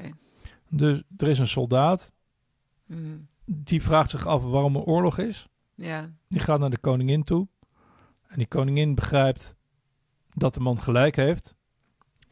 Dus, dus laat, ze, laat ze hem executeren. Dat het is het mooiste nummer dat er bestaat, vind ik, in de westerse muziek. Oké. Eh, maar dat is exact wat je ja. hier beschrijft. Dus, Mm. dus ehm, zij, vrezen, zij, vrezen, eh, zij vrezen de reden en het gelijk omdat de ideologie en de macht voorgaat. Ja. Dus, Ja, dus- zij, zij vreest ook, de mevrouw, mevrouw Annika, ik Mm. denk zelfs, misschien zelfs ehm, subliminaal, zij mag geen centimeter toegeven aan ons in een openbare discussie, want ze zit aan de vuur. En op het Ja. moment dat iemand aan de vuur ziet dat zij. 1 centimeter toegeeft aan ons, Ja.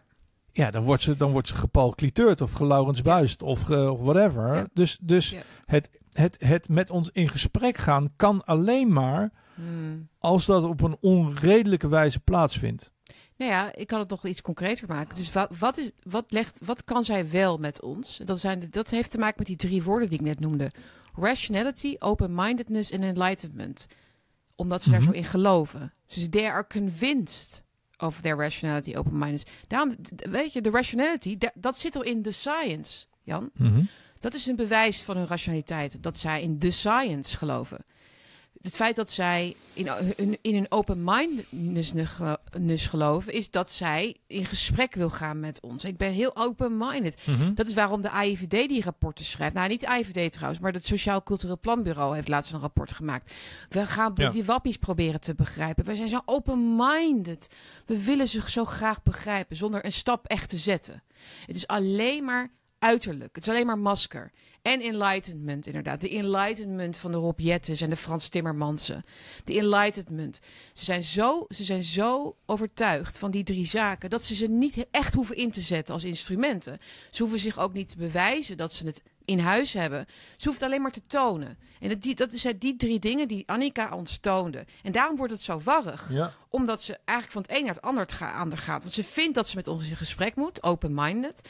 Maar, en ze, Mhm. maar ze, het is ook heel rationeel, dat wil ze ook graag laten zien. Dus daarom gooit ze heet het de consensus. Hè, de, de, de, de wetenschappelijke consensus gooit ze er even in. Maar ze kunnen nooit uitleggen wat die consensus is. En tot waar en waar eindigt dan die consensus? En hoeveel is dan genoeg voor consensus?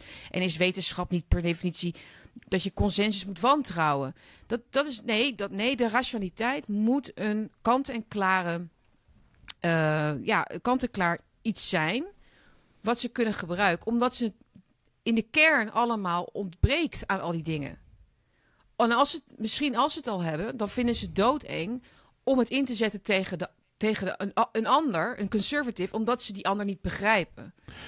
Dus het, ze zijn dubbel, er zitten dus twee problemen in het linkse denken, Ja. linkse gedachtegoed. Dus dat ze heel kwetsbaar zijn, omdat ze in feite een, een soort ehm, dialoog eh, niet, kunnen, niet kunnen voeren Wel met elkaar. Ze, kunnen, ze zijn heel goed.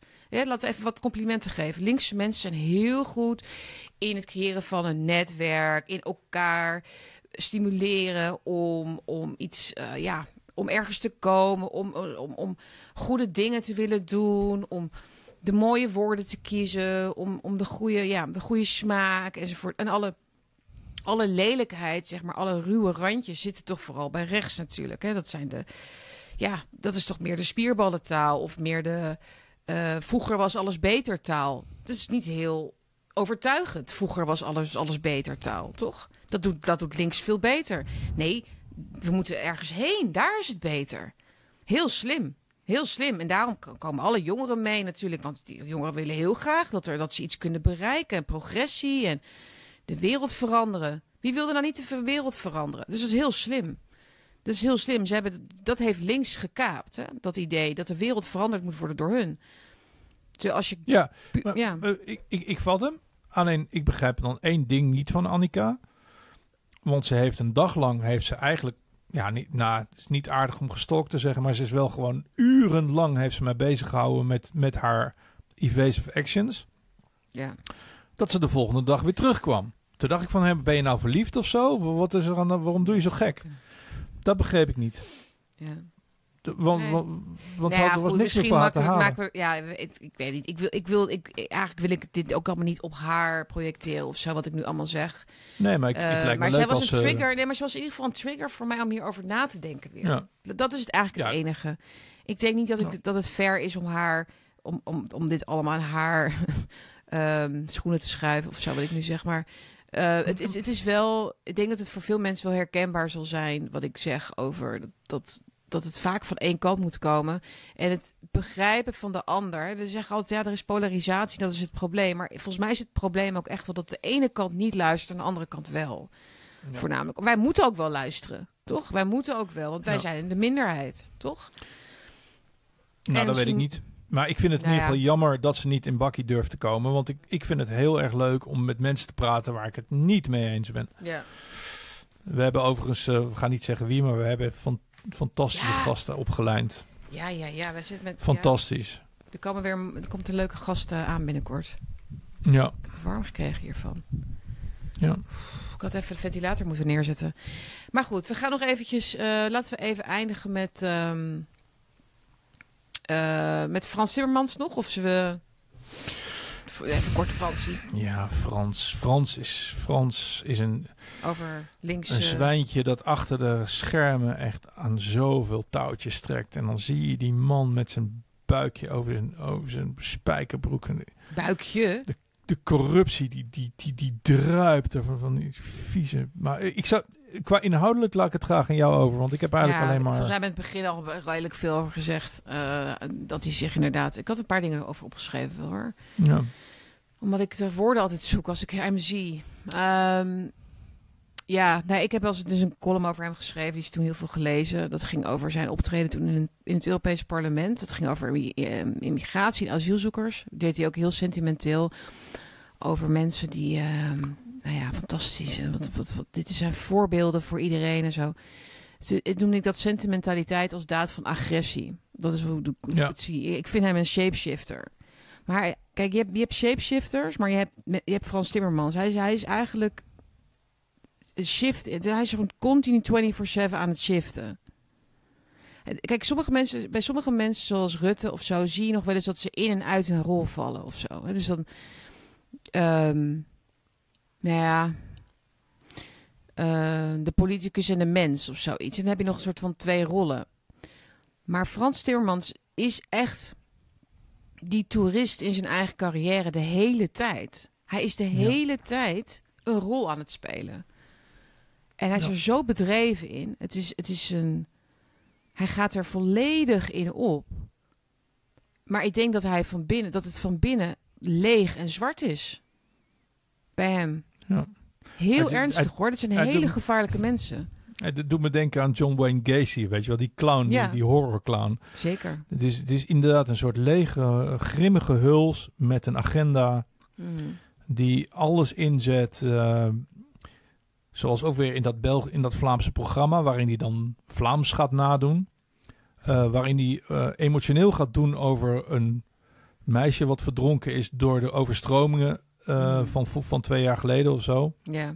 Eh, wat ze overigens zelf hebben veroorzaakt Ja. door bepaalde sluizen Ja, dit- eh, af te sluiten en, en open te zetten. ja, Eh, dat, dat was dus om zijn. worden. Ja, Ja, dat is dus om de dag van de slachtoffers van de klimaat shit eh, vreselijk. luister bij te zetten. Dus het is ook nog eens een keer worden er mensen geofferd Oh, ja. om hele, nieuw, hele nieuwe feestdagen. Het is echt Ja, gewoon... maar letterlijk, het woord slachtoffer. Ik heb me altijd verbaasd over dat Ja. woord. Hè. Dus slachtoffer, dat het zo bam, in your face is. Hè. Heel veel eh, termen binnen het recht zijn heel erg verdekt. Hè. Dader, een daad Ja. verrichten. Hè. Dus heel neutraal eigenlijk, gewoon een daad. Dader, Mhm. een daad. Maar een slachtoffer. Hè. De, ja, slachtoffers ver- vervullen een functie. Hè. Vervullen een functie in de samenleving. We huilen natuurlijk om de slachtoffers eh, als mens. Maar slachtoffers zijn voor, de, voor het collectief heel zinvol en heel belangrijk om te hebben.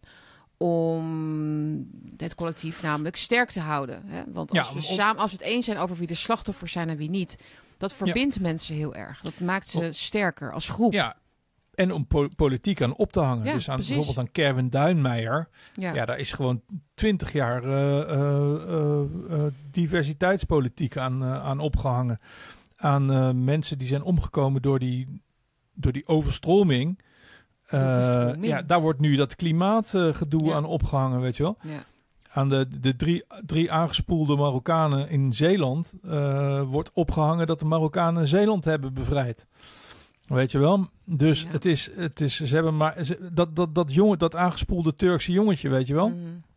Eh, daar, is, eh, daar is tien jaar vluchtelingenbeleid op gebaseerd. Mhm. Dus inderdaad, het slachtoffer is voor, voor, voor, voor vampieren als... voor John Wayne Gacy's als, eh, als Frans Timmerman, eh, Mhm. Timmermans, ja, dat is, eh, dat is cookie. Hartstikke fijn. En als, ze, als ze niet ontstaan, dan, dan, dan maken ze ze zelf wel. Mhm. Weet je wel? Dus het is inderdaad een Ja, hele, want ze bieden, hele ze, bieden, ze bieden heel veel mogelijkheden om mensen emotioneel te chanteren. Hè? Dus als jij zegt van ik vind klimaatbeleid te ver gaan. Oh, dus jij wil dat Sarah, jij wil dat er nog meer Sarah's verdwijnen in, de, in, de, Precies. in het water. Oh, dat is, oh, dat is dus wat jij, jij, wil, jij. Wil jij dat op je geweten hebben? Dat is wat het is. Het is hele Ja. goedkope emotionele chantage. En Timmermans die bedient zich er dagelijks van. Hij vindt het heerlijk om dood en verderf te gebruiken voor zijn eigen agenda. Zijn eigen destructieve. Hij is gewoon een kwelduivel. Want wat, wat hij doet Ja. is heel veel mensenlevens in de ellende storten met zijn beleid. Maar Frans Timmermans, dat is het goede nieuws. Iedereen voelt aan dat die man niet deugt. Hij heeft geen liefde en geen leger. Hij heeft een trollenleger. Maar er is niemand die met die man wegloopt. Ik, ik zeg het wel vaker. Voor Hitler stonden gewoon 60 miljoen Mm. Duitsers met hun ha- hand Ja. omhoog. En voor, voor niem- niemand staat met zijn hand omhoog voor Fransje Timmermans. Wees er maar blij mee. Ja, maar toch, het, is, het zijn toch gevaarlijke mensen. Ik zou ook mensen nog een boekentip willen geven, tot slot, eh, over dit onderwerp. Ik heb ook nog één dingetje hoor. Ja, Eh, dat is eh, het boek van Jan Storms, Destructieve Relaties op de Schop. Ehm, dat gaat dus over relaties, maar het gaat eigenlijk gewoon ook over politici, over mensen die je kunt kennen, ja, gewoon in je familie of, of dus ook op het werk, die lijden, want het is wel een vorm van lijden hoor, eh, aan psychopathie. En het Mhm. is gewoon echt een fascinerend goed boek. Echt goed geschreven. En het geeft zo'n brede kijk op dit fenomeen. Hoe je het kunt herkennen. Dus ook in mensen die je niet per se persoonlijk kent. Dat wordt altijd dan gezegd. Ja, je, moet het, je kunt dat niet zeggen van iemand. Nou, als je Jan Storms leest en hoe hij beschrijft hoeveel het voorkomt. Hè, dus in de politiek en in de samenleving. En hoe je het dus wel kunt herkennen. En hoe het eigenlijk waar het vandaan komt. Hè? Dus hij zegt het heeft te maken met een gebrek aan zelf. Aan een gebrek van werkelijkheidsgevoel. Die mensen hebben geen werkelijkheidsgevoel. Het is verschrikkelijk om zo te moeten leven. Hè, dus ze moeten al hun eh, soort van gevoel van normaliteit... moeten ze halen uit de omgeving. Dus ze hebben geen, letterlijk geen relatie met een omgeving... of met iets groters dan zijzelf. Dus ze, hebben een, een heel, ze zijn heel klein, eh, maar heel destructief. Dus dat is even heel Ja. kort. Dus dat, dat is echt een, eh, een heel eh, verhelderend boek. Misschien even een plaatje van laten zien. Ja. En, en zo nog Het even is, het is voor 9 oplezen. euro of zo in, te koop bij Bruna, vol- volgens mij als e-book. Dus Ja, heel cool. Ik wou nog heel even, heel kort even over oplossingen hebben, want Ja. daar hebben we allemaal behoefte aan. Ehm, kijk, even één ding. Ik zit, ik zit hier niet te kletsen voor de, voor de katse viool. Dus op het moment dat ik zeg van, het is tijd dat we collectieven gaan oprichten van, van, van juri- juristen eh, en artsen en eh, kenners en journalisten, doe het dan ook. Dus ehm, niet omdat ik het zeg, maar gewoon eh, denk er in ieder geval over na. Probeer gewoon zoiets van de grond te krijgen. Kijk niet naar mij voordat ik ju- eh, eh, juristen bij elkaar ga roepen, weet je wel. Ga het zelf even doen. Ehm, dat klinkt wat dwingend en zo, maar het is zo langzamerhand wel tijd dat we iets van een tegengeluid gaan formuleren. Dus dat is één ding. En dan wil ik nog heel kort ook in dat kader met jullie hebben over, over mijn idee dat wij een white rock nodig hebben. We hebben nu eh, Larry Fink hebben we zien zitten in een praatprogramma waarin hij gewoon uitlegt Ja, van de god, wij CEO, gaan de mensen CEO van BlackRock. BlackRock. Ja. Eh, wij gaan mensen dwingen om anders te denken, anders te leven. Eh, we gaan hun vrijheden inperken. We gaan alle bedrijven gaan we financieel zodanig sturen dat, dat, het, dat het gedrag van mensen We're going verandert. to force behaviors, zei hij. Exact. Dat heeft hij gewoon hardop gezegd. Dus dat betekent dat er een white rock nodig is. Een white rock. Wij hebben een white rock nodig. Ik weet gewoon 100% zeker dat er onder, onder de 14.000 mensen per uitzending die, die onze YouTube-films kijken en nog een paar duizend op eh, Spotify en zo, dat er gewoon drie of vier miljonairs zijn, vijf misschien wel, die gewoon zitten op een enorme bak met cash. Ik En we hebben gewoon- hm. We hebben gewoon een white rock nodig die gewoon zegt: wij gaan investeren in nieuwe bedrijven die niet meedoen aan tranny eh, bullshit. We gaan investeren in brouwerijen die niet reclame maken voor, eh, voor whatever, voor ellende, woke ellende. Dus we, we hebben gewoon investeerders nodig die op sta- eh, start-ups gaan begeleiden en geld gaan geven. Die denken zoals wij. We moeten spiegelen. Dus laat BlackRock al die, al, al die defensie bullshit maar hebben. En al die doodvermoeide merken als Heineken en Enhauser, Bush en weet ik het allemaal niet. Wij hebben de toekomst. Dus miljonairs onder ons, eh, maak gewoon nieuwe bedrijvigheid mogelijk. Dus blijf niet op je, op je zak met centen zitten. Maar gebruik ze gewoon door nie- nieuwe initiatieven te, te, ja, mogelijk te maken. En er Ja. is een enorme markt voor. Oh ja, denk ik ook, ja. Ik leer nu steeds wat meer mensen kennen hier in Hilversum. Er zitten enorm veel ondernemers hier. Eh, ik was zaterdag bij een etentje met allemaal ondernemers die allemaal winkels hebben hier in de buurt. Ehm, ja, ik wil echt graag, weet je, mensen leren kennen natuurlijk. Maar zoveel ondernemerszin. En ze zijn ook niet met politiek bezig hoor. Het is, het, gewoon iets willen doen, iets willen maken, mensen blij willen maken. Ik denk dat daar nog heel veel eh, te halen valt aan, aan, eh, aan ja, verbinding en aan aansluiting, denk ik. Eh, Ja. Want ik denk dat als zij erachter gaan komen dat zij bepaalde dingen niet meer mogen verkopen straks, hè, de visboer of de slager of de bakker of wat dan ook, ja, dan, dan, dan moeten ze gaan kiezen van wat, wat gaan we nu doen. Hè, want ze Ja. hebben het hier dan nog wel goed in het gooi. Maar eh, hoe lang eh, blijft dat zo? En ja, ik hoop dat ze die energie kunnen omzetten. Dus ook in een, ja, in misschien in een wat, wat, wat, wat meer vechtlust ook. Om voor, voor, Ja. voor het bestaan van het MKB. Want daar, daar zit Ah. wel echt een heel belangrijke slag, denk ik. Ja, maar niet alleen het MKW. Ik denk gewoon ook dat er groter, ja. ehm, in de media, in bepaalde producten, in allerlei dingen die niet meer mogen van BlackRock, eh, dat daar gewoon kansen liggen Mhm. voor mensen die willen investeren.